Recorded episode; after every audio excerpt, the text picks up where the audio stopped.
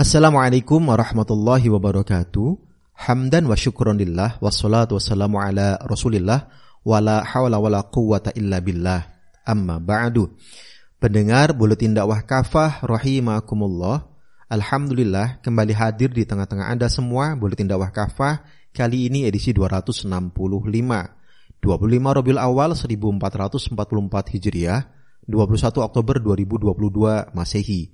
Kali ini akan mengangkat tema Polisi adalah penjaga keamanan dan penegak hukum Islam. Bismillahirrahmanirrahim. Perilaku polisi terus-menerus jadi sorotan rakyat. Ini akibat tindak kriminal yang dilakukan banyak anggotanya, termasuk perwiranya. Kasus pembunuhan Brigadir Joshua oleh atasannya, Irjen Pol Sambo, melibatkan sejumlah perwira dan anggota kepolisian lain.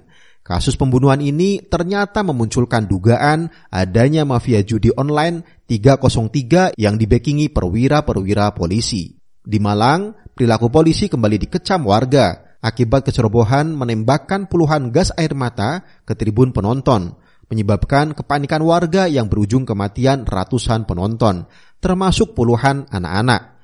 Akibat kejadian ini, Kapolri mencopot Kapolda Jatim Irjen Pol Niko Avinta yang digantikan oleh Irjen Teddy Minahasa. Namun, hanya dalam hitungan hari, Kapolda Jatim yang baru ini dicokok divisi Propam Polri dengan tuduhan terlibat peredaran narkoba.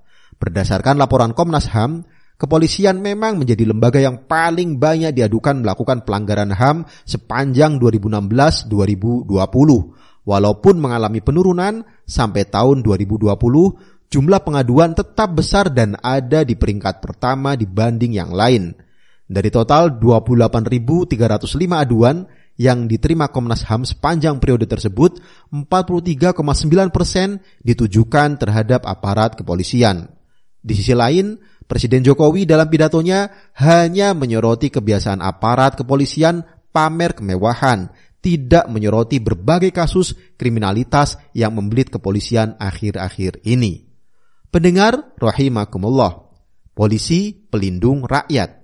Menurut Kamus Besar Bahasa Indonesia, polisi adalah badan pemerintah yang bertugas memelihara keamanan dan ketertiban umum atau menangkap orang yang melanggar undang-undang dan sebagainya.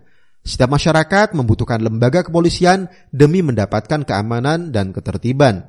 Dalam Islam, setiap orang berhak mendapatkan jaminan keamanan. Bahkan salah satu tujuan agung syariah Islam adalah menjamin keamanan baik bagi masyarakat maupun negara. Nabi Shallallahu Alaihi Wasallam menyebutkan bahwa mendapatkan rasa aman adalah kenikmatan besar dari Allah Taala.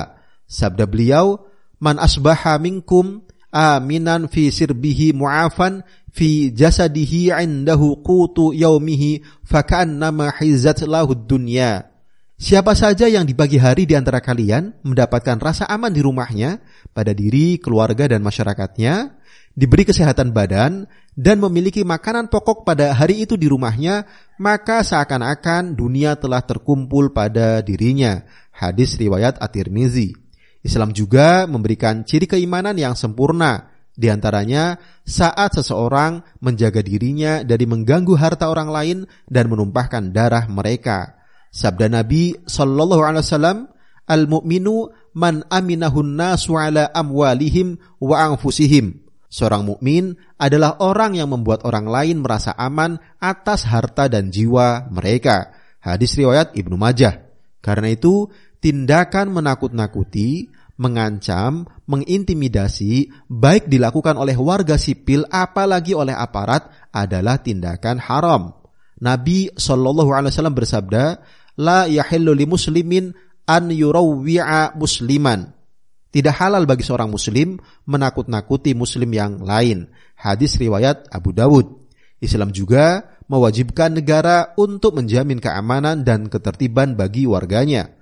Untuk itulah dibentuk institusi kepolisian yang bertugas mewujudkan rasa aman dan tertib di tengah masyarakat. Menjaga keamanan adalah tugas kepolisian yang dibentuk dan diangkat oleh negara, bukan dibebankan pada masyarakat. Kepolisian dalam Islam hadir untuk menenteramkan warga, bukan meresahkan dan membuat warga ketakutan. Pendengar rahimakumullah. Kepolisian Islam taat syariah.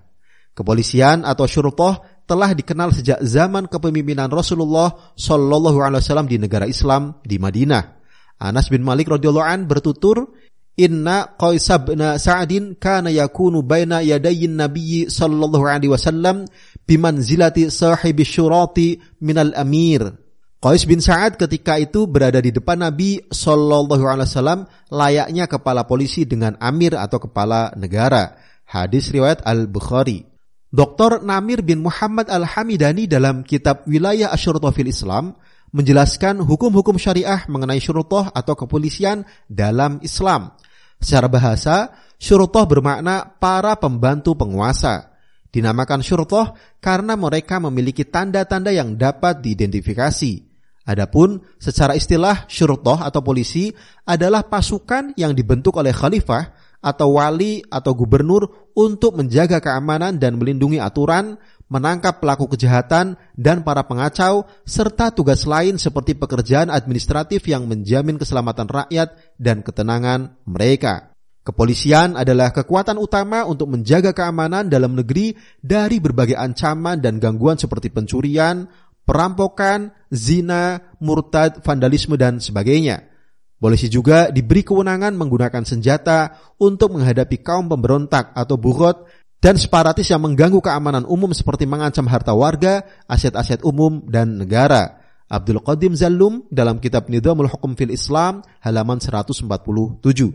Dalam aturan Islam, polisi menjalankan tugasnya sesuai hukum syariah. Mereka haram memata-matai rakyat, melakukan penyadapan, meretas ponsel, email, nomor telepon, dan sebagainya dengan alasan mencegah kejahatan.